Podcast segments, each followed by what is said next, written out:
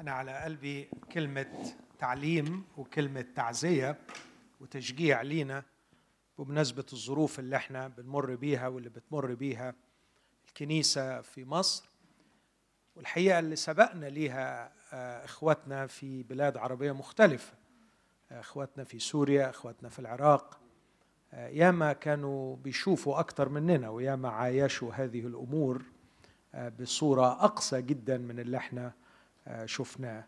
فزي ما قال الرسول مرة عالمين أن نفس هذه الألام تجرى على إخواتكم. لكن كمان التاريخ مليان بقصص الأتقياء الكنيسة التي تألمت على مر العصور. علشان كده أحبائي على قلبي كلمة تعليم. نفسنا نتعلم. نعمل إيه؟ نتصرف إزاي؟ كيف نقرأ الواقع المحيط بنا؟ وكمان كلمة تعزية وتشجيع.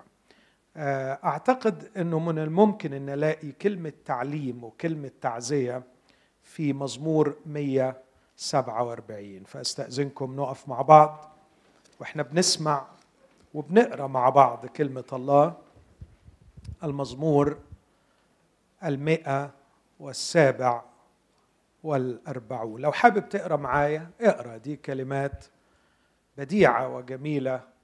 أعتقد أنه صحيح الاستماع إليها ملذ لكن ترديدها أيضا يسبب بركة كبيرة. سبحوا الرب لأن الترنم لإلهنا صالح لأنه ملذ التسبيح لائق. الرب يبني أورشليم يجمع من في إسرائيل يشفي المنكسر القلوب ويجبر كسرهم. يحصي عدد الكواكب يدعو كلها بأسماء. عظيم هو ربنا وعظيم القوة لفهمه لا أحصاء.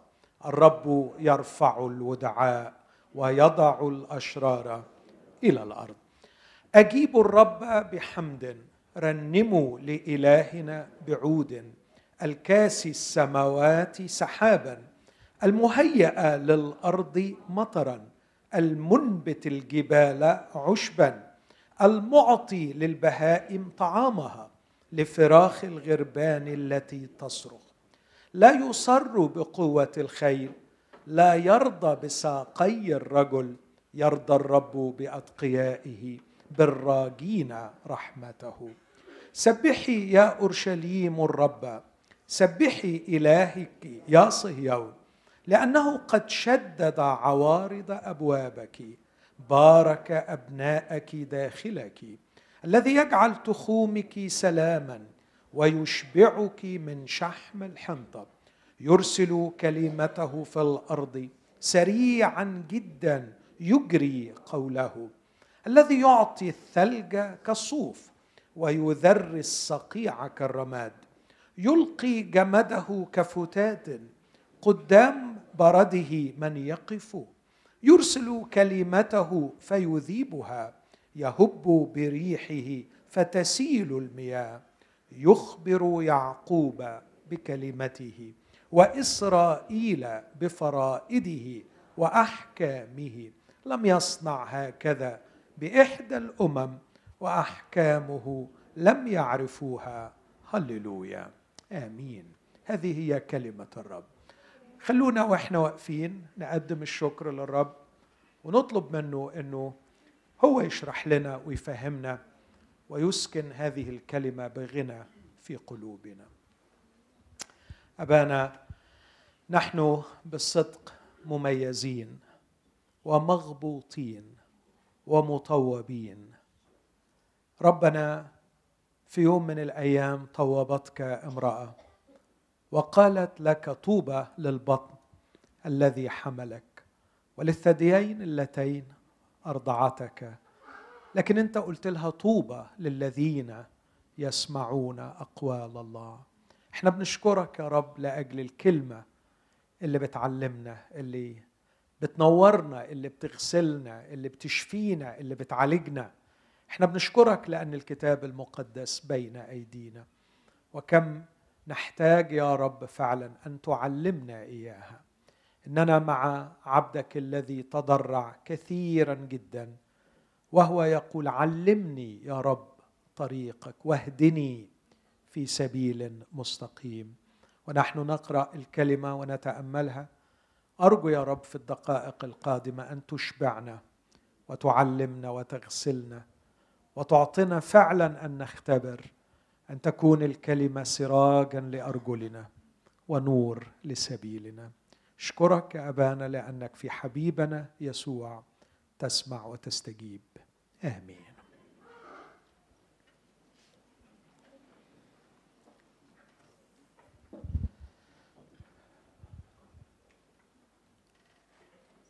كاتب هذا المزمور كتبه ولم تكن أورشليم وصهيون في أفضل حالاتها.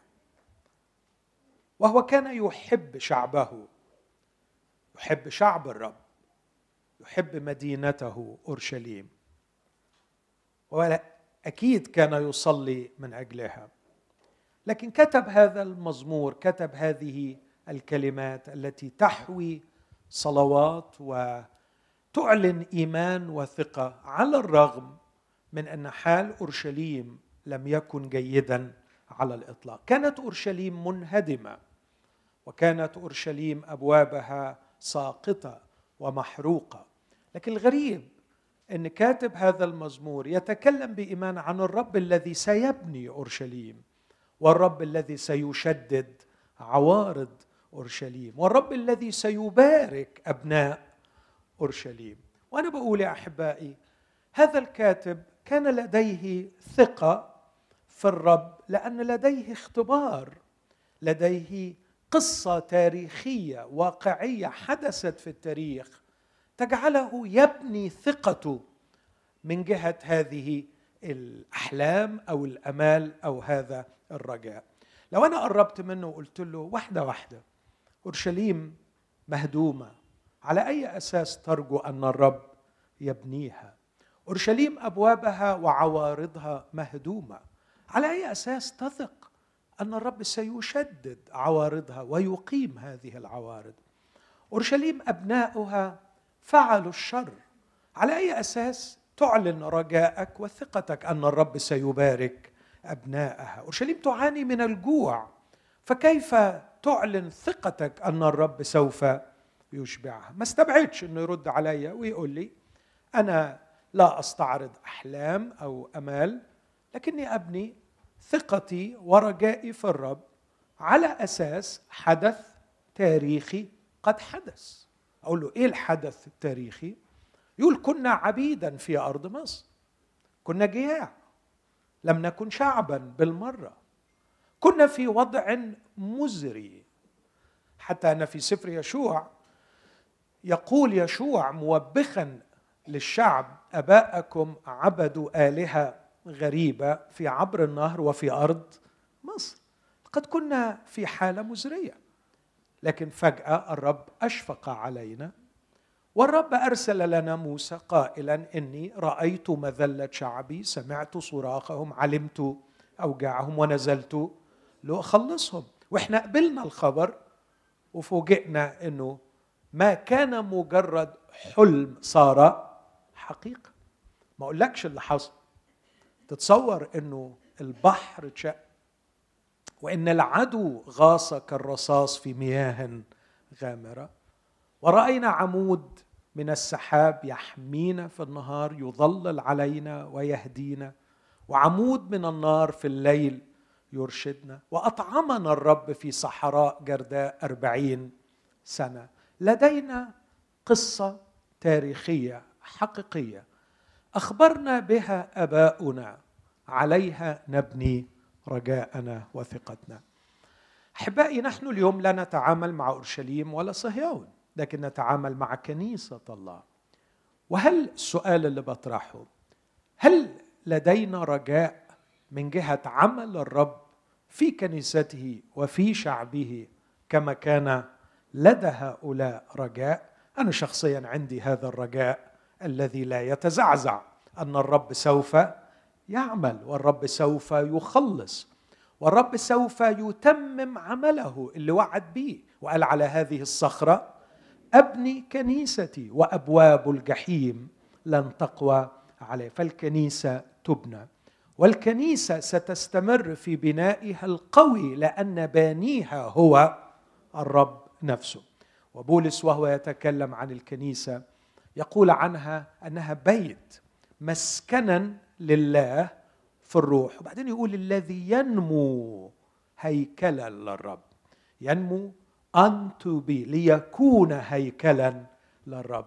يعني المسكن عمال يكبر يكبر يكبر وينمو وينمو وينمو لكي يكون هيكلا للرب. وعندما يكتمل هذا الهيكل يقوم الجالس على العرش ويأتي ليأخذ كنيسته ويتمم وعده حيث أكون أنا تكونون أنتم أيضا. ويرى المنظر البديع هو ذا مسكن الله مع الناس. إن كلمة ينمو التي يضعها بولس في أفسس اثنين تسد كل فم وتقضي على كل تشاؤم وروح يأس. الرسول يقول أن الكنيسة تنمو تنمو تنمو لتكون هيكلا. للرب. إخوتي هل نتوقع نمو للكنيسة في هذه الأيام؟ نعم. هل نتوقع أن يبارك الرب شعبه في هذه الأيام؟ نعم. هيجي السؤال الثاني وعلى أي أساس؟ أقول كما قالوا هم هم بيقولوا لدينا قصة تاريخية حدثت نبني عليها رجاءنا. ما هي قصتهم التاريخية؟ أن الله الرب يهوى أخرجهم من أرض مصر ما هي قصتنا التاريخية ككنيسة؟ التي نبني عليها رجاءنا. قصة؟ آه ما أروعها قصة. في مثل هذه الأيام من حوالي ألفين سنة نبت قدامه كفرخ وكعرق من أرض يابسة. كان جميلا بديعا كان حلوا كان يقول يصنع خيرا. إنسان حقيقي إنسان حقيقي كان يمشي في هذا العالم. الشرير. لكن ماذا فعلوا به؟ ماذا فعل الأشرار بهذا العرق الرطب بهذا العود الرطب؟ لقد أحاطوا به ككلاب أحاطوا به كثيران. لقد انشقت الأرض عن وحوش ضارية لكي تمسك بالحمل بالعود الرطب لكي ما يشق عنه الثياب. ثم يشق جلده عن العظام. كانوا يجلدون ربنا يسوع الحمل ثم في النهاية سمروه على خشبة ورفعوه في ميتة خزي وعار.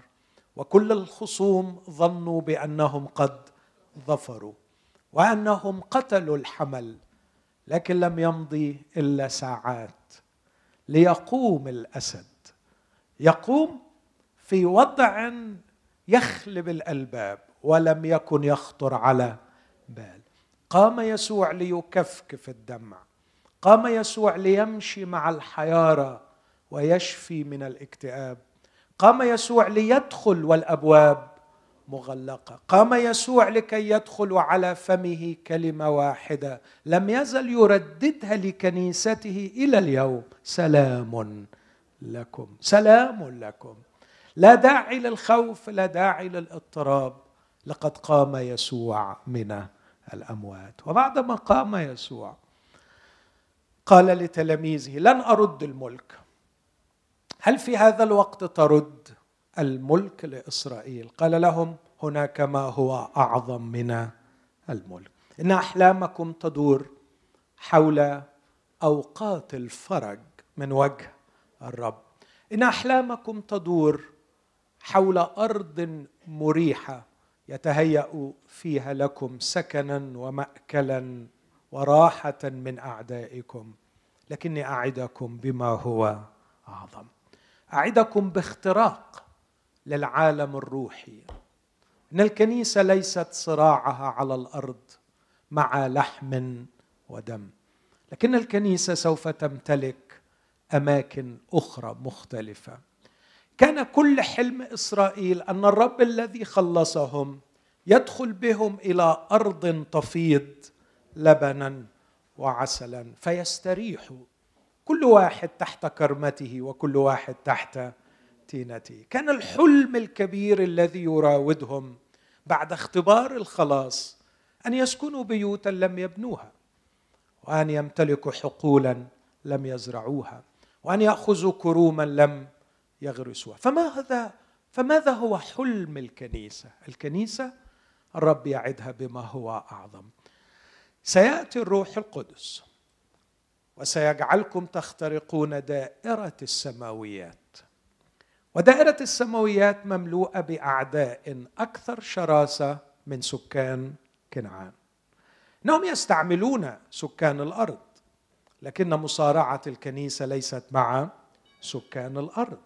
لكن مع أجناد الشر الروحية في السماويات. والسماويات هي كنعان بالنسبة لنا. هي مكان البركات. والكتاب يقول عنها أنه في كنعان السماوية. في السماويات توجد لنا كل بركة روحية. فالله باركنا مش بكروم وزيتون وحقول مش بأرض تفيض لبنا وعسلا لكن باركنا بكل بركة روحية في السماويات. كل بركة روحية في السماويات. لاحظ كلمة كل بركة روحية في السماويات. يعني البركات بتاعتك موجودة في دائرة السماويات. بس دائرة السماويات دي مليانة بحاجتين أجناد الشر الروحية في السماويات. فالدائرة اللي هتدخلها مليانة بركات ومليانة أجناد شر. وزي ما كان المخلص قديما من أرض مصر عليه أن يحارب في كنعان لكي يمتلك على المسيح اليوم أن يحارب في السماويات لكي يمتلك. وعندما يمتلك كل بركة روحية في السماويات سيكتشف الثراء الحقيقي والغنى الحقيقي وتلمع الكنيسة بالمجد المجد الحقيقي الذي قسمه لها الرب. أتمنى من قلبي إنه يكون هذا هو مفهومنا عن صراعنا في هذه الأيام. إن مصارعتنا ليست مع دم ولحم بل مع رياسات مع سلاطين مع ولاة العالم على ظلمة هذا الدهر مع أجناد الشر الروحية في السماويات. لكن يبدو يا إخوتي الأحباء أننا تجاهلنا هذه الحرب ويبدو أننا لم نعد نشتهي هذه البركات. مش عايزين البركات دي. واتمنى إن إحنا نسأل طب إيه هي البركات دي؟ يعني شكلها إيه البركات دي؟ ممكن تكون البركة دي مثلا استنارة ممكن تكون إنارة يعني أنا تنور وأنا كمان أنور. ممكن تكون البركة دي هي حالة من الشبع الشديد بالرب. ممكن تكون حالة رؤية خاصة للرب. ممكن تكون البركات دي قوة غير عادية في الروح. ممكن تكون البركة دي جمال جديد في الشخصية. آخد حتة من يسوع. اطلط كده بحتة منه. آخد مثلا نظرة عينيه. آخد مثلا حلاوة شفتيه. آخد حتة من ذكائه. آخد حتة من قوة منطقه. آخد حتة من نبله ورقيه وأخلاقه العالية. عندما يتعامل مع المرأة عندما يدخل البيوت عندما يحتضن الأطفال عندما يغفر لمن صلبوه ممكن تكون البركة الروحية النبل الشخصية قوة المنطق قوة الحجة حياة القداسة الكاملة التي كان يعيش بها. أتخيل حد بيسمعني يقول لي دي حاجات جميلة قوي بس ما توكلش عيش. أنا عايز بس لقمة وهدمة ونعيش مستورين وكفاية. أقول لك لقد احتقرت البكورية يا مسكين. لقد احتقرت البكورية واشتهيت أكلة عدس. هي دي هي دي البكورية لقد شاء وولدنا بكلمة الحق لكي نكون باكورة من خلائق. لكن نرجع تاني نرفض البركات الروحية في دايرة السماويات ونشتهي أمور أرضية وراحة أرضية ومجد أرضي وعز أرضي. أعتقد إن ده آه، مش عارف أسميه مش عايز أستعمل نفس الكلمة اللي اتقالت عن عيسو لكن كفاية إنه احتقر البكورية. لكن في حاجة تانية خطيرة جدا. في السماويات إحنا هندخل السماويات ونملك في السماويات لما نوصل ولا من دلوقتي؟ من دلوقتي. وأتمنى إن ربنا يدينا حكمة ونميز في الكلام وما نخلطش الكلام على بعضه. أحسن اليومين دول حكاية خلط الكلام على بعضه يعني بقيت موضة كده. أي كلام يتخلط على بعضه والسلام. لما نقول السماويات غير لما نقول السماء. مش كده؟ السماويات غير السماء آه صحيح في شبه لكن تبقى مشكلة لو بناخد الأمور بالشبه.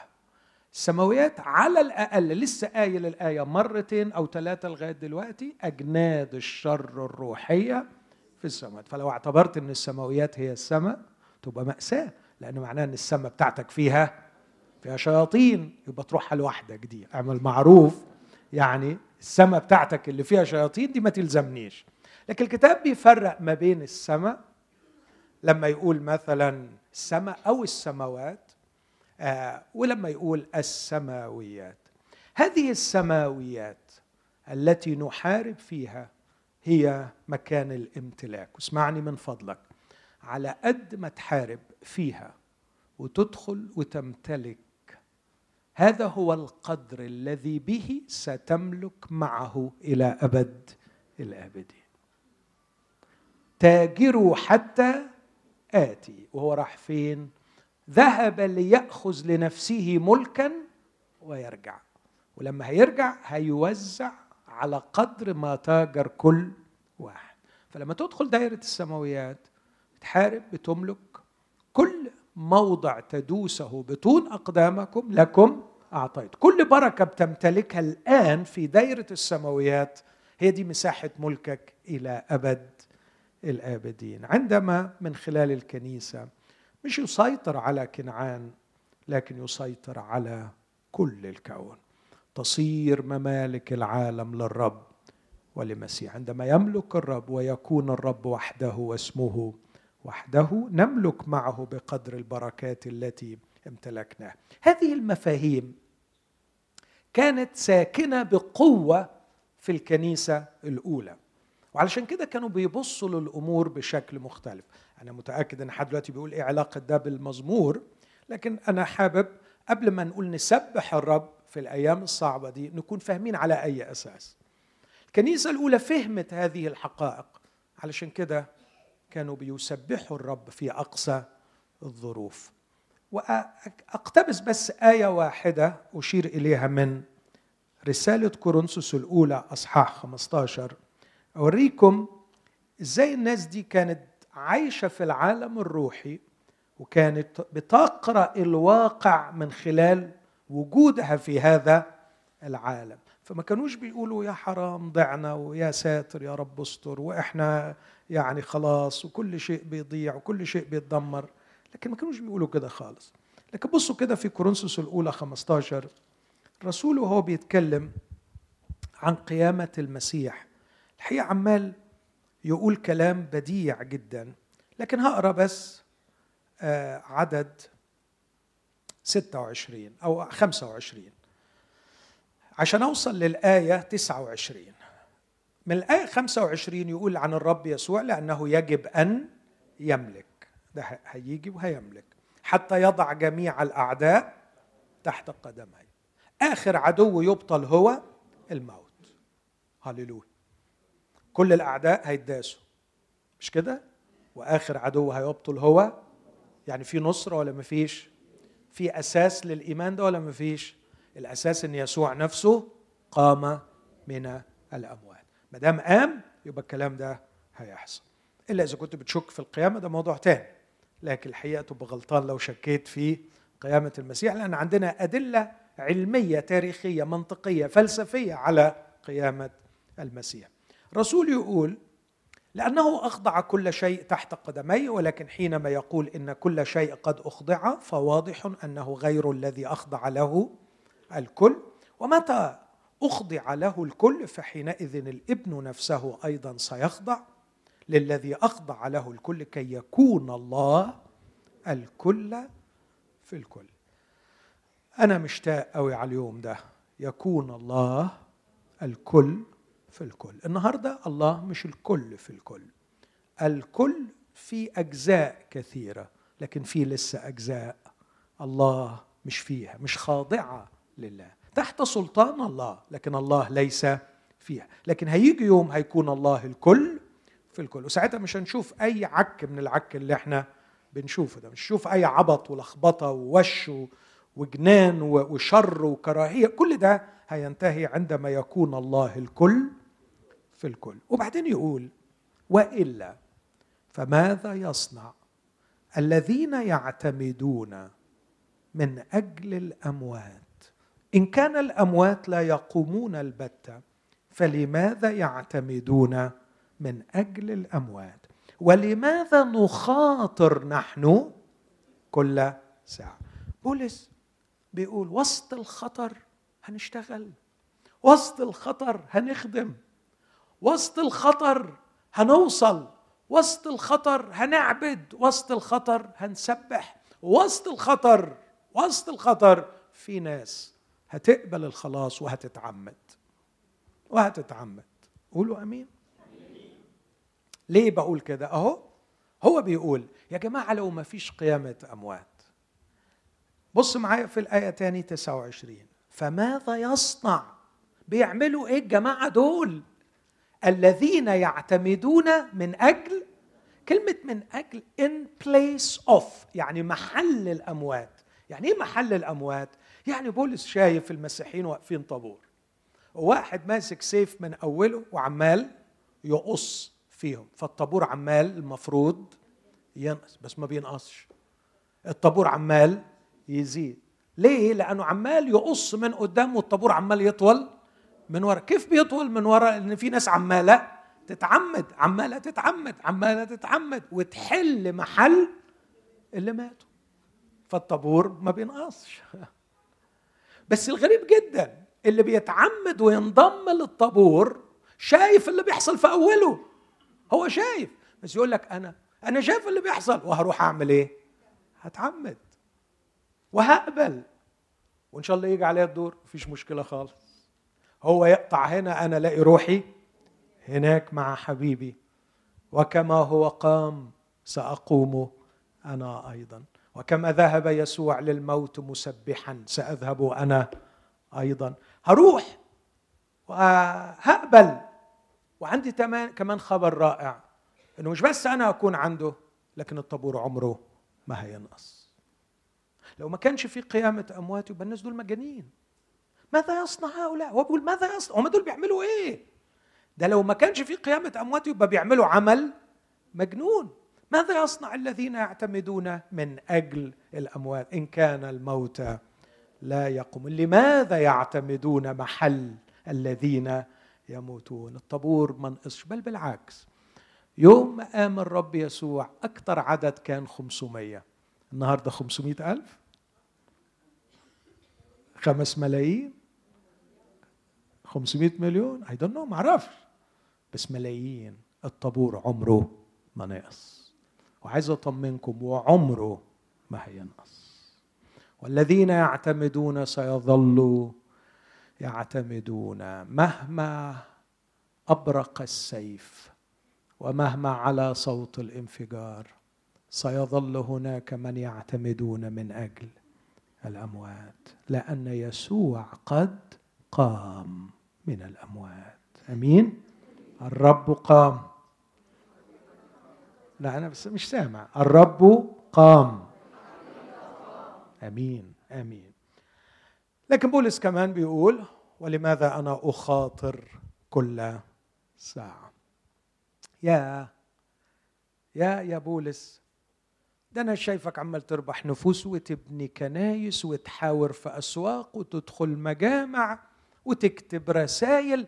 ده أنا فكرت إن الدنيا كانت مرتاحه معاك. يقول لا حبيبي أنا كنت بشتغل وأنا تحت الخطر في كل مش في كل يوم نخاطر في كل ساعة. إيه ده؟ هي الناس دي كانت من عجينة غير عجينتنا من طينة غير طينتنا. هي الناس دي جايبة القوة دي منين؟ بسيطة قوي رجليهم على الأرض وراسهم في السماء هي دي بس ببساطة كده. هم راحوا شق شقوا شق كده ومدوا رقبتهم وبقيوا شايفين من فوق وبيمشوا تحت. فشايفين المناظر العظيمة شايفين المسيح المقام على العرش شايفين الأملاك اللي ليهم وعايزين يمتلكوها وشو قلبهم إنهم يمتلكوا كل بركة روحية في السماويات. نفسهم أن يحل المسيح بالإيمان في قلوبهم علشان يثبتوا ضد مكايد إبليس نفسهم يخطفوا نفوس من النار ويشتغلوا فكانوا مش عابئين باللي بيحصل تحت يخاطروا كل ساعة ويعتمدون من أجل الأموات. بهذه الروح يا أحبائي أتمنى إن إحنا ندخل إلى هذا المزمور الذي يدعونا إلى التسبيح. أنا قصدت أعمل مقابلة بين موضوع المزمور وموضوعنا نحن. كاتب المزمور يرى أورشليم ستبنى وبنيها ستبارك وأبوابها ستقوم لأن عنده أساس بسيط أن الرب خلص إسرائيل في الماضي أو أن الرب هو الخالق وده اللي هنشوفه.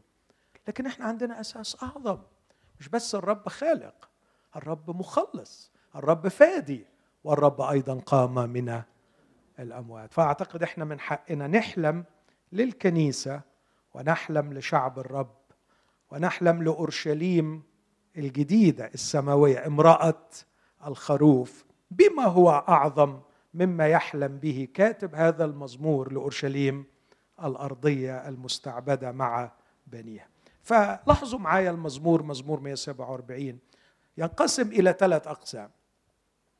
القسم الأول من واحد لستة القسم الثاني من سبعة لحداشر والقسم الثالث من 12 لعشرين. والمزمور يبدأ وينتهي بكلمة هللويا. هللو ياه هللو يعني سبحوا وياه يعني الرب يعني سبحوا الرب. آه معرفش ليه المترجم العربي راح مترجم هللويا في عدد واحد. آه لكن حطها في آخر المزمور كما هي. لو تبصوا في عدد عشرين هللويا محطوطة زي ما هي بالعبري. لكن زيه زي بقية المزامير اللي بعده زي المزمور مثلا 148 و 149 تلاقيه يبدأ بهللويا وينتهي بهللويا فالمزمور بيبدأ بهللويا وينتهي بهللويا وفي كل فقرة من الثلاث فقرات يدعونا أن نسبح الرب ثم يعطينا سببا لتسبيح الرب ويطلب منا أن نتحلى بصفة تجعلنا نستمتع ببركة الرب. نبص كده على الثلاث أشياء دول. في الباراجراف الأول في الفقرة الأولى يدعونا أن نسبح الرب لأن الرب يبني ويشفي. الرب يبني أورشليم. عدد ثلاثة يشفي المنكسر القلوب. يبقى دعونا نسبح الرب علشان السببين دول. لأن الرب يبني والرب يشفي. أمين؟ وإحنا محتاجين اليومين دول شفاء وبناء.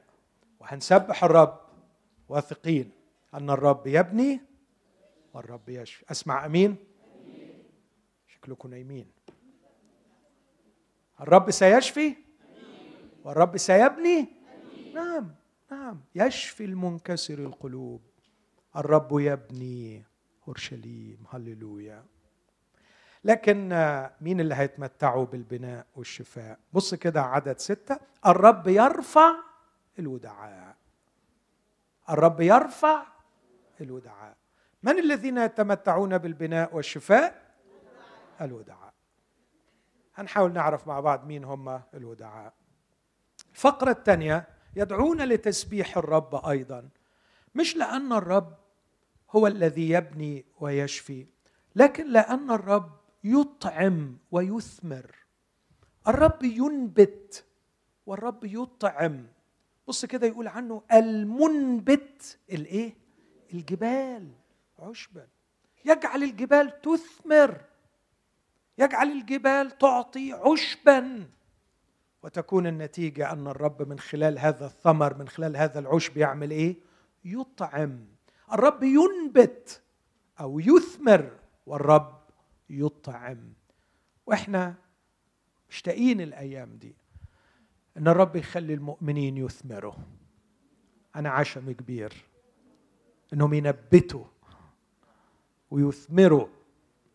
ولو قلت لي يعني ما ما تعشمش كتير أقول لك المنبت يا أخي الجبال نبتت. ربنا بيخلي الجبال بيخلي الصخر يثمر. هيحتاس في أولاده؟ لا أنا عندي ثقة كبيرة أن المنبت الجبال عشبا يجعل أولاده مثمرين. قل له يا رب خليني أنبت وأثمر ويطلع مني أكل للجعانين. في ناس جعانة في ناس جعانة قوي قوي قوي لا تتخيل حجم الجوع لا تتخيل حجم الجوع الموجود في أرض مصر. وفي العالم العربي لكلمة الرب. جوع جوع. بس نفسهم ياكلوه مش من الإنترنت. هم بياكلوا من الإنترنت. نفسهم ياكلوه من ناس منبتين مثمرين يتقابلوا معاهم ويشوفوا بعينيهم الثمر فيهم. ويكون كل واحد فينا غصن مليان ثمار. وتتم شهوة يسوع. أنا اخترتكم وأرسلتكم لتذهبوا وتأتوا بثمر ويدوم. أبويا عايز يتمجد. مش يتمجد بيكم وانتوا قاعدين في أماكنكم لكن بهذا يتمجد أبي. أن تذهبوا وتأتوا بثمر ويدوم ثمركم. الفقرة الثانية الرب فيها ينبت والرب فيها يطعم ويشبع. مين اللي يتمتعوا بالبركة دي ويثمروا ويستطيعوا أن يوجدوا الطعام للمساكين الجعانين؟ يقول عبارة أنا من زمان حافظها العبارة دي وبفرح بيها وأرددها كثيرا في صلواتي. لا يصر بقوة الخيل لا يرضى بساقي الرجل. أمال بيتبسط بإيه الرب؟ يرضى يصر بأتقيائه بالراجين رحمته الغلابة اللي مسترجيين رحمته اللي عنده قوة خيل وساقي رجل وشعر إنه عفي وقادر ده عمره ما هينبت وعمره ما هيطعم لكن اللي هيثمر ويطعم مش اللي عنده ساقي الرجل وقوة الخيل. لكن أتقيائه الراجين رحمته اللي عينيهم متضعة ومسترجية رحمة الرب. الجزء الأخير أيضا تسبيح الرب الذي يشدد ويشبع. بص عدد 13 لأنه قد شددها عوارض أبوابك. آخر عدد 14 ويشبعك من شحم الحنطة. تشديد وقوة شبع وقوة وتشجيع. هنشوف الكلمات دي نعدي عليهم. أعدي على الثلاث فقرات دول بسرعة شديدة. بس ما تنسوش إنه الغرض من الفكرة كلها إن إحنا نعمل إيه؟ نسبح الرب. سبحوا الرب لأن الترنم لإلهنا صالح لأنه ملذ. التسبيح لائق ما هو تسبيح الرب؟ تسبيح الرب يأتي كالآتي استنارة ركز معايا عشان مش عايز أعيد الكلام. استنارة من جهة حقيقة من يكون الرب. مين هو الرب؟ ما فيش حد فينا ما عندوش صورة مشوهة عن الرب. أكتر حاجة لعب فيها إبليس. أول حاجة لعب فيها إبليس صورة الرب في ذهن الإنسان. لما جه يقول لها أحقا؟ قال الله. وبعدين ابتدى يلعب في الكلام. كان عايز يوصل يقول لها لا بل الله عالم. يوم تأكلان منه تكونان كالله عارفين. الخير والشر وده أناني. يحبش حد يبقى زيه. ده وحش مش بيحبكم. وبعدين إيه الذل بتاعه ده؟ بص أول سؤال حقا قال الله لا تأكل من كل يا مفتري يا مجرم. آه، إيه الجديد عليه؟ هو طول عمره مجرم وقتال وكذاب. لا تأكل من كل شجر الجنة. أنت واخد بالك من الصورة اللي عايز يوصلها؟ إنه يحطك في جنة مليانة أكل وبعدين يحرمك منها يعني عايز يعذبك. شخصية بشعة. ده اللي عايز يرسمه. برضو لما يروح لربنا كان عايز يوصل الفكرة دي لأيوب. أمجانا يتقي أيوب الله. غالبا كان بيروح لأيوب كتير ويقول له أنت بتعبده ليه؟ يقول له عشان هو حلو. يقول له كذاب. أنت بتعبده علشان بيديلك. يقول له لا هفضل أحبه وهفضل أعبده حتى لو خد كل حاجة. لا لا لا أنت مش عارف روحك أنت كذاب. ده هو هو رهيب. هو بيرشي الناس. هو بيرشيكم بشوية العطايا علشان يخليكم تعبدوه. لكن هو ما يتعبدش. وبعدين لما لقي إن العملية يعني مقفلة في وشه راح اشتكى على أيوب عند الرب. والرب سمح إنه يبرهن الحقيقة أن عبده يحبه ويثق فيه حتى لو أخذ منه كل شيء. الرب صالح لكن صورة الرب مشوهة في ذهن كل إنسان. مش عايز اخذ وقت طويل لكن حتى الفلاسفة يؤكدون أن أخطر قضية هي صورة الله في ذهن الإنسان. أحبائي الأمر ده ليه تأثير على الاقتصاد ليه تأثير على السياسة ليه تأثير على الشارع ليه تأثير على الإرهاب ليه تأثير في كل شيء. عايزك تفكر في بعض الحاجات البسيطة. فكر في مآسي مآسي كثيرة جدا. افتكر كده المأساة بتاعت هتلر. وسبعين مليون يموتوا في أوروبا. كان وراءها صورة اتنزعت من عقل هتلر. لما نيتشه أستاذه قال له الله مات. فصارت صورة الله في ذهن هتلر إله ميت. فعمل نفسه إله وحب يخلي الجنس الآري هو السوبرمان الإله. وابتدى يلعب حتى في الجينات علشان يوصل للكائن الكبير القوي لأنه ما عادش فيه قوي فوق القوي اللي فوق قد مات. وهنا لما تشوف اللي حاصل ما هي صورة الله في الأذهان؟ هي وراء كل فعل شرير وراء كل فعل تفجير. صورة إله يكرم ويعبد من خلال القتل والموت والكرة والدم والعنصرية والظلم إلى آخر. صورة الله. شغلتنا كمؤمنين إن إحنا على الأقل نبدأ بأنفسنا أن نستنير من جهة صورة الله الحقيقية. كتير بردد وبقول الحكاية دي إنه لما ابتديت بحماس وحاول أثبت وجود الله للبعض اللي الحدوا فكنت أكتشف إنهم بيكتئبوا لما بثبت لهم إن ربنا موجود فبسألهم طب تكتئبوا ليه؟ إيه اللي يخليك تكتئب؟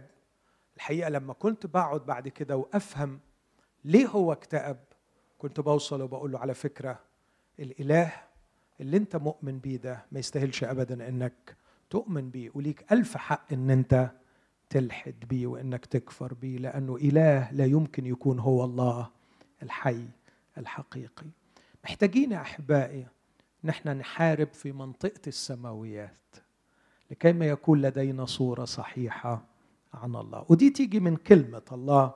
أعتقد أن يمكن لو الوقت اتسع أشير إلى آية في العهد الجديد توضح الكلام ده.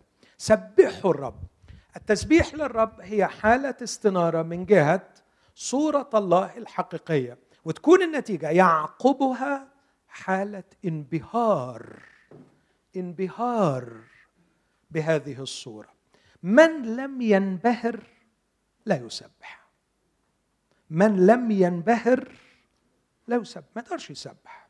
فأول ما بينبهر يقول فاض قلبي بكلام صالح. متكلم أنا بإنشائي للماء. أسبحه. سبحه to يعني أعدد فضائله. أعدد خصاله النبيلة والجميلة لا أستطيع أن أسبح إلا إذا كنت منبهرا ولن أنبهر إلا إذا رأيته رأيته على حقيقته هذا هو عمل الروح القدس. سبحوا الرب سبحوه لأن الترنم لإلهنا صالح. إنه أمر فعلا حلو إنك تعمله حلو إنك تعمله. مرات كده بحس يعني إيه يلا رنم يا عم أدينا جايين بس إحنا مستنين الوعظه مش كده سامح؟ بتحس إنه ده بيحصل كتير أو بيشتكي المسكين. يلا عايزين الوعظ. لكن هنا بيقول سبحوا. سبحوا لأن الترنم لإلهنا صالح. الترنم لإلهنا صالح لأنه ملذ. ملذ للرب. يلذ له نشيدي وأنا أفرح به. هو بيفرح لكن أنا كمان بافرح وبعدين يقول لأنه لائق. إنه صالح إنه ملذ إنه لائق. بالمستقيمين يليق التسبيح وبالرب يليق التسبيح.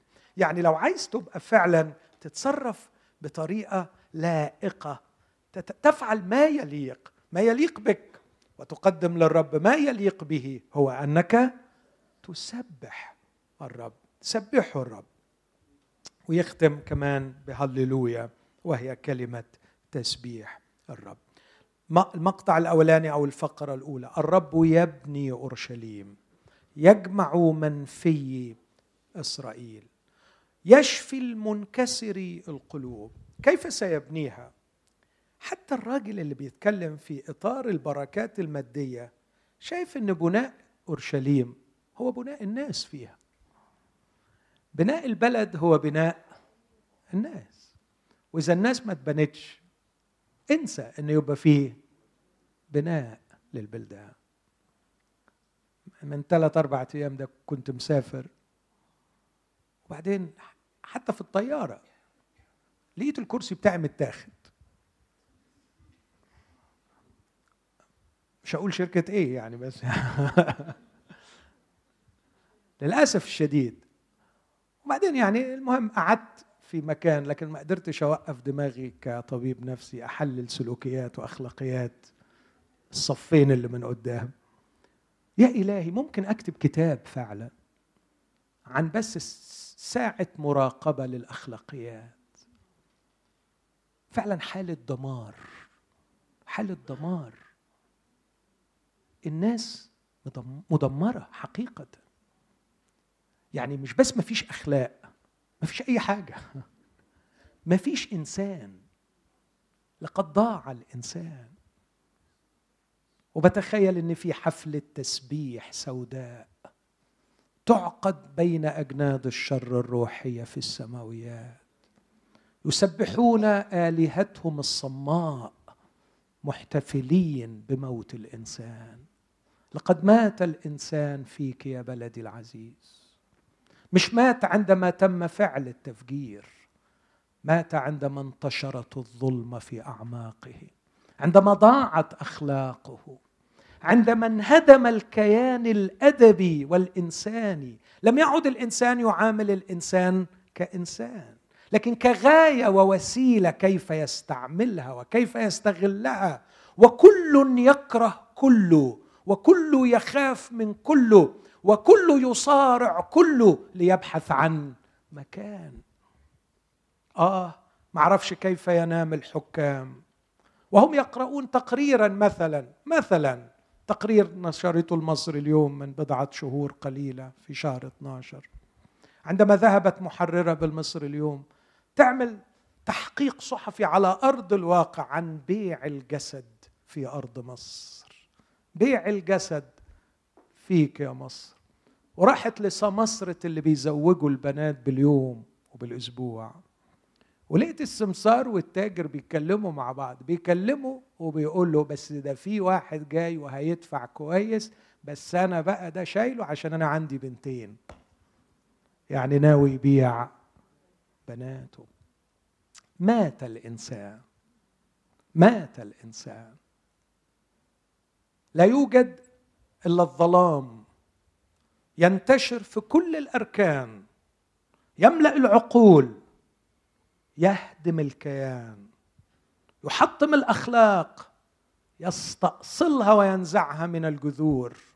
ولا يترك لنا إلا حطام بشر. حطام بشر. ولا تفرق عنده. إنه يفجر نفسه. بيفجر جسد. جسد بتاعه علبة صفيح. لا تحتوي في الداخل على انسان لقد دمروا الإنسان فيه ولم يبقوا له إلا العلبه الخارجية. فصار يسيرا عليه أن يفجر العلبه ويدمر كل من حوله. الاحتياج مش لبناء بلاد الاحتياج لبناء الإنسان. والكنيسة لما بتصرخ المفروض تقول الرب يبني أورشليم كيف يبنيها؟ يشفي. المنكسر القلوب. واتمنى أن الكنيسة تقوم بدورها. واتمنى أن إخواتي المؤمنين يقوموا بدورهم. ويحبوا الإنسان. ويبكوا على الإنسان. ويطبطبوا على الإنسان. ويدوروا على الإنسان. أنت بتتحرك بين الناس؟ أنت تتحرك بين قبور تحوي إنسان ميت. محتاجة واحد يبكي زي يسوع وينادي على لعازر ويقول هلم خارجا. وفي لعذارات كتير بتطلع. في لعذارات كتير بتطلع. بتطلع من القبور. النهارده كان عندي العازر طالع من القبر.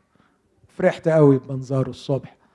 وأنا بشوفه بيطلع من القبر. كل يوم في لعازر بيطلع من القبر. ما تقلقش. ما تقلقش. ما نستبعدش ابدا ابدا ابدا. إنه يوم الخمسين خلصوا 3000 نفس. ليكون هذا نموذجا لكل يوم من أيام التاريخ البشري.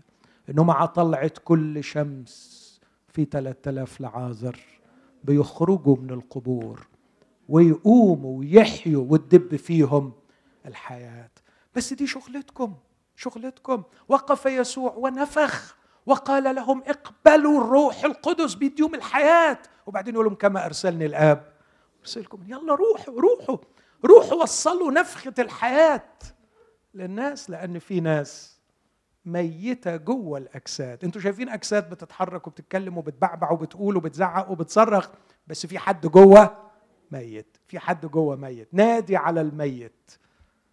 وقول الرب يبني أورشليم يجبر الم... يشفي المنكسر المنكسر القلوب ويجبر كسرة. اجبر يا رب كسر قلوب شعب مصر من فضلك. طلعهم من قبورهم. وابني كنيستك يا رب ابني كنيستك بحجارة حية احييها من وسط الرماد ومن وسط الهديد اللي تهدد بيه. الناس اتهدت فعلا الناس اتهدت. هدوهم هدوهم هدوهم بكل الطرق. ما فيش طريقة يهدوا بيها الإنسان إلا واستعملوها ومحتاجين اللي يبنيهم. محتاجين نصلي من أجلهم محتاجين نصرخ من أجلهم ومحتاجين نتحرر من ذواتنا ومن دوائرنا الضيقة وأحلامنا الرخيصة الشخصية. ونحلم مع الله ببنيان شعب مسكين. الرب يطلع منه حجارة حية. لكن الكاتب بتاع المزمور ده بيعمل حاجة جميلة قوي. ما يقولش بركة روحية إلا ويربطها بشيء من الخليقة. فدايما يبص على حاجة من الخليقة هنشوف الكلام ده. يعني لما يجي عايز يتكلم عن الإطعام يقول المنبت الجبال عشبا بس لما جه يتكلم على إن ربنا يشفي قلب مكسور إيه الحاجة اللي جابها من الخليقة؟ جاب الحاجة العجيبة دي.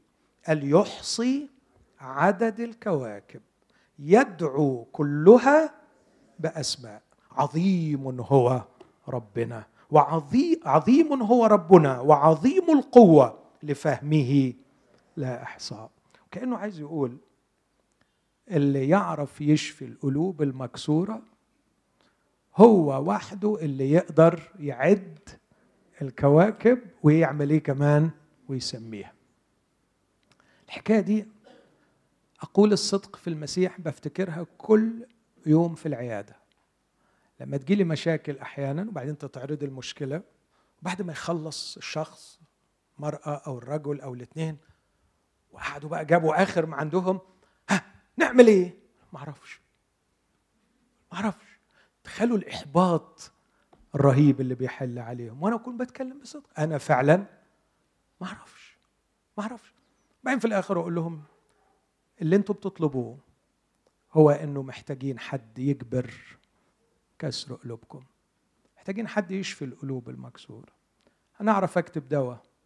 أنا أعرف أقول كلمتين. لكن الوحيد اللي يعرف يشفي القلوب المكسورة هو اللي يعرف يعد الكواكب والنجوم ويسميها يدعو كلها بأسماء. قرأت قديما في جريدة الأهرام إنه عدد نجوم مجره درب التبانة أو اللبانة بتاعتنا الميلكي واي. لو واحد سماها وحب يقعد يعد يعني يقول الأسماء بتاعتها بس يعني يذكر الأسماء. اسم ورا اسم ورا اسم. يحتاج أربعة آلاف سنة. ودي مجرة واحدة. عندنا في الكون مئات البلايين من المجرات. مجرة واحدة. لو اديت لكل نجم فيها اسم وقعدت بس تقول الاسم ببقك عشان تخلصها محتاج يعني لو كان قعد مع أبونا إبراهيم كان يدوب السنة دي يكون مخلص. وهو عمال يقول اسم ورا اسم ورا اسم. ورا اسم. اللي يعرف يعد النجوم ويقول أسمائها هو وحده اللي يعرف يطبطب على قلبك ويشفيه ويجبر كسره. عشان كده ما تنتظرش جبر القلوب من بني آدم. خالص. خالص. مفيش بني آدم يشفي قلب مكسور. وعشان كده يسوع لما جه في مجمع الناصرة قال روح الرب علي لأنه مسحني لأشفي المنكسر القلوب. ده عارف عارف معناها إيه؟ معناها بيقول لبتوع الناصرة على فكرة اللي بيكلمكم ده هو مين؟ ربنا. لأنه اللي بيشفي المنكسر القلوب هو هو الرب. هو الرب. الذي يشفي المنكسر القلوب علشان يبني. وجميل الفكر هنا. الرب يبني أورشليم يجمع المنفي.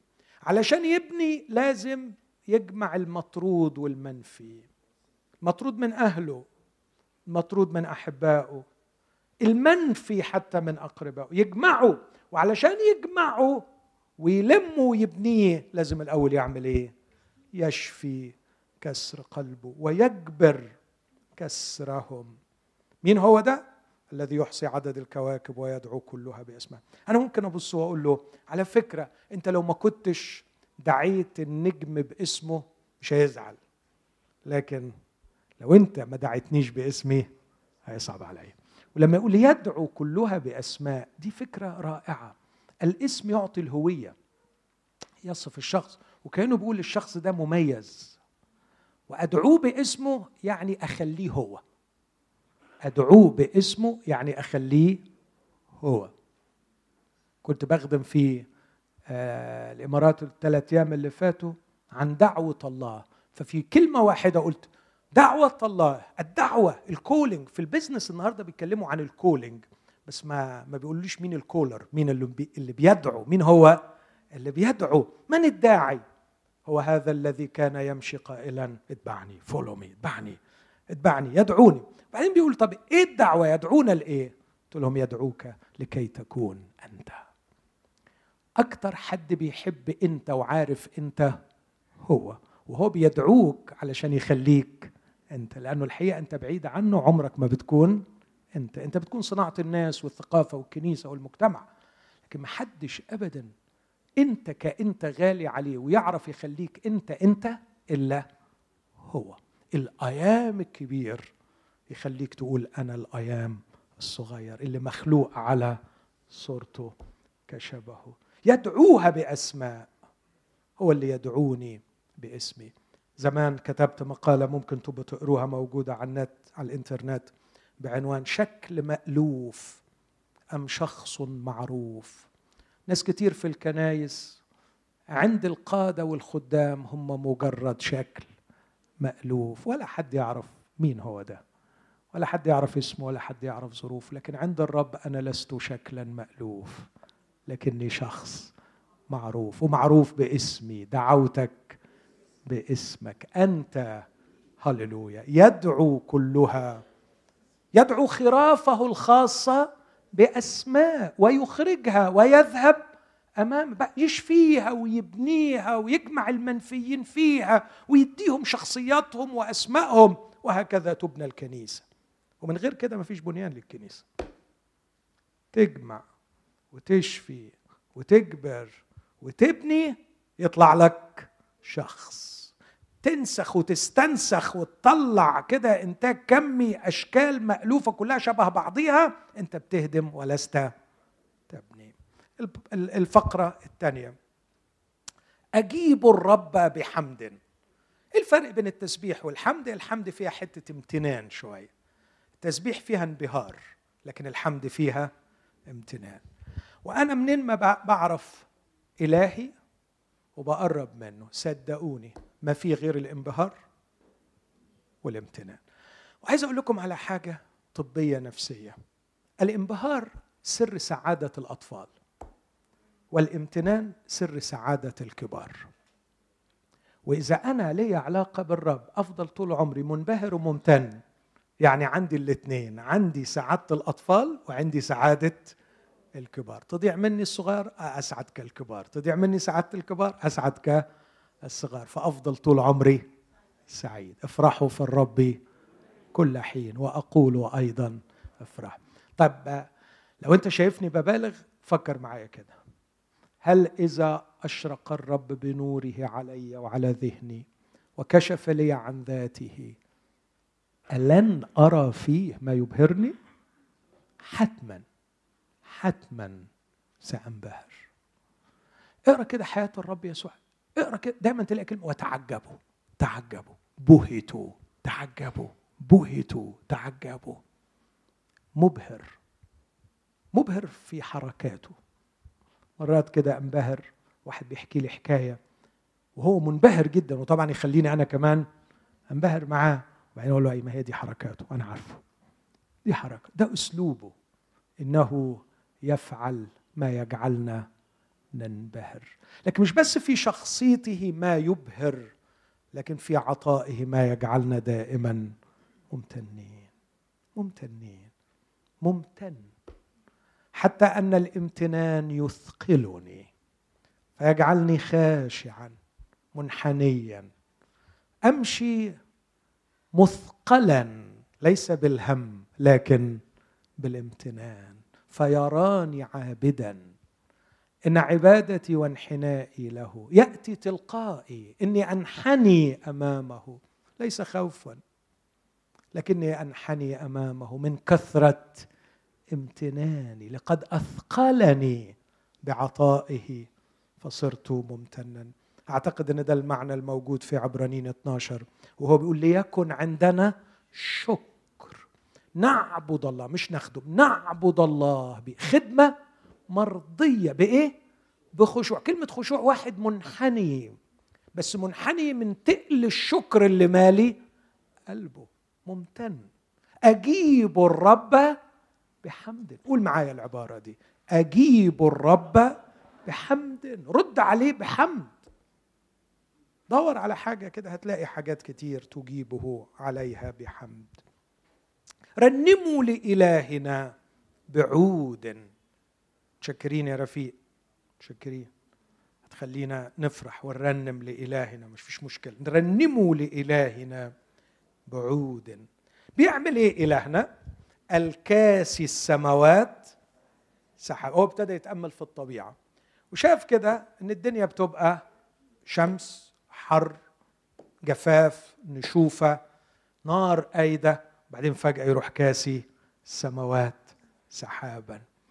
ليه بيكسيها سحابا؟ المهيئ للأرض مطرا المنبت الجبال عشبا. المعطي للبهائم طعامها لفراخ الغربان التي مش عارف ليه نقى الغربان علشان يعني ما يعني يعني أصعب حاجة أصعب حاجة في كل حاجة. في لونها مش حلوة. في صوتها مش حلوة. في حركاتها مش حلوة. في نوع أكلها مش حلو. يعني لكن هو برضه مهتم بيها. أعمال العناية يهتم بها التي تصرخ. لأنه أمها ما بتعرفش للأسف الشديد يقول عندما يصعد نعيبها أمام الله فراخ الغربان أمها تسيبها ما تهتمش بيها ربنا يعتني بفراخ الغربان. لكن خلي بالك إذا كنت تريد شفاء القلب المكسور والبناء والجمع أرجوك ما تنساش عدد ستة الرب يرفع الودعاء وإذا كنت عايز الرب يجعلك مثمرا زي الجبال اللي بتنبت العشب فتخرج الطعام خليك من الراجين رحمته. الودعاء والراجين رحمته. خليك وديع وخليك من الناس المسترجين رحمته. مين الودعاء ومين الراجين رحمته؟ الودعاء اللي حاسين إنهم ما يستاهلوش. الراجين رحمته اللي حاسين إنهم ما يقدروش. بس الله ما يوريك معظم المؤمنين حاسين ان هم يستاهلوا ويقدروا. وعشان كده قطعوا الخميرة من البيت. قطعوا البركة. لأنهم دايما حاسين إن هم يستاهلوا. ولو أنا ما استاهلش أمال مين اللي يستاهل؟ طبعا ما بيقولوهاش كده. بس عايز تشوفها أو تسمعها لما تحصل معاه حاجة مش كويسة. إيه ده؟ إزاي يعني؟ إزاي يعمل معايا كده؟ بقى كل العشرة دي وكل اللي أنا بعمله معاه وفي الآخر يعمل معايا كده؟ يا على الكلمة دي رديئة بشكل. يعني إيه يعني؟ يعني إيه يعني؟ إيه الأخلاق دي؟ يعني أنت كنت فاهم روحك إنه في العشر سنين اللي فاتوا كنت بتجبي عليه حضرتك؟ كنت بتعلي الرصيد بتاعك عنده؟ اخص كنت بتعمل إيه؟ كنت بعمل ويعني ما تشوف اللي حواليا. بالظبط اللي صعد وقال له اللهم أشكرك إني لست مثل باقي الناس. طب روح بقى روح بقى. روح. لكن الأفاضل ودعاء ودول اللي هيورثوا. الودعاء حاسين إن هم ما يستاهلوش. لم يشأ أن يرفع عينيه إلى السماء. وقف من بعيد قرع على صدري. اللهم ارحمني. بص أنت لو هتعمل أي حاجة عدلة معايا هتعملها من منطلق واحد بس رحمتك. رحمتك. أنا ما استاهلش. أنا ما ينفعش. بس أنا واثق إن أنت عندك رحمة. وكلمة ارحمني في لوقا 18 غطيني.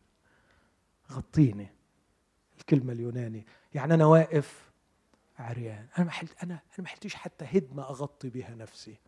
بس أنا بحبك قوي وعشمان في رحمتك قوي وعشمان إنك تسترني.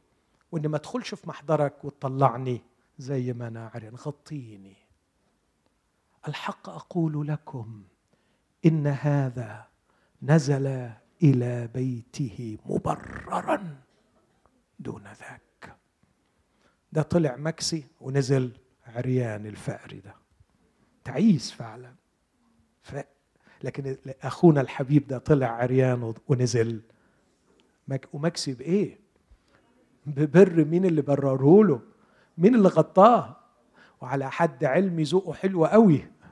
وبيلبس حلو ويكسي حلو يعني برره أحلى بر. وإذا كان الله هو الذي يبرر من هو الذي يدين؟ هؤلاء هم الودعاء.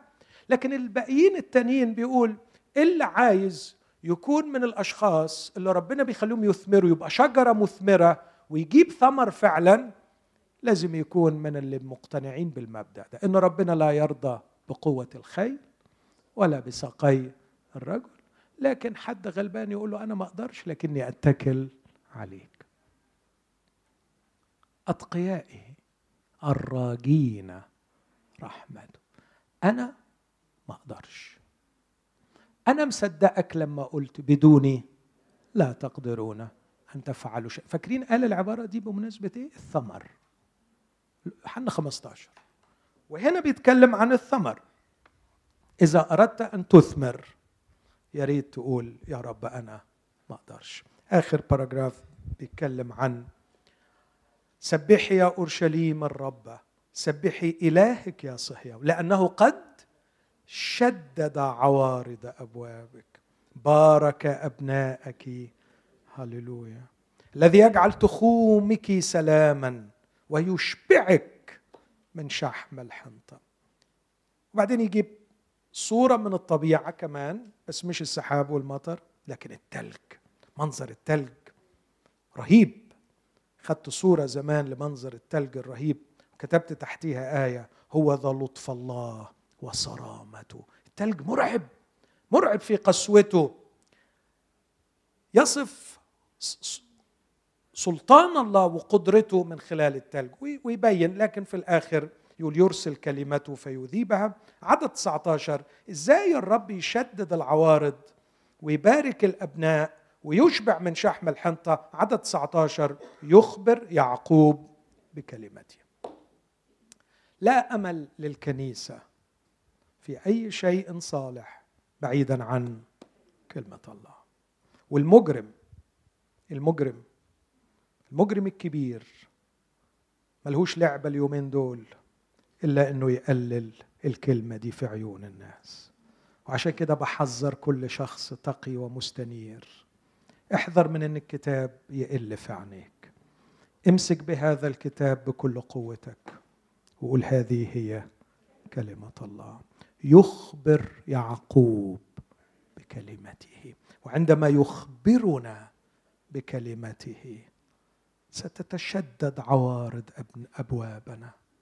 وسيبارك أبناءنا وسيشبعنا من شحم الحنطة. أختم بعبارات مشهورة. لتسكن فيكم. رساله كلوسي أصحاح ثلاثة. ممكن نقف مع بعض وإحنا بنسبح. الرب مع سامح. بس نقرأ العبارات دي مع بعض ونشوف انطباقها بقوة على هذا المزمور. رسالة كلوسي والأصحاح الثالث. يقول هذه الكلمات في عدد 16 لتسكن فيكم. كلمة المسيح بغنى. هي كلمة الله وهي كمان كلمة المسيح. وأنتم بكل حكمة معلمون ومنذرون بعضكم بعضا بمزامير وتسابيح وأغاني روحية بنعمة مترنمين في قلوبكم للرب. لما الكلمة تسكن فينا هنعلم بعض وهننذر بعض. لما بقول لأن إلهنا أمين حافظ عهده سنين وسنين. أنا بقولها في الترنيم بس أنا بعلمك وأنت بتعلمني. معلمين بعضكم بعض ومنذرين بعضكم ياما ترانيم بتحتوي على انذار وخلي بالك واوعى واوعى تقع. وخلي بالك ما فيش حاجة بتعطلني إلا قلبي العنيد هو اللي بيمنع عني المرء بنحذر بعض وبننذر بعض. لكن كمان بنشجع بعض نطلق التسبيح الانبهار بإلهنا وأغاني روحية بنعمة مترنمين في قلوبكم للرب. وكلما عملتم بقول أو فعل فاعملوا الكل باسم الرب يسوع. In his place أو representing him أو on his behalf. يعني كأنه هو اللي بيعمله. يعني بتعمل الكلام ده في محل يسوع. اعملوا الكل باسم الرب يسوع. شاكرين الله الآب به. آمين. تفضل يا سامح.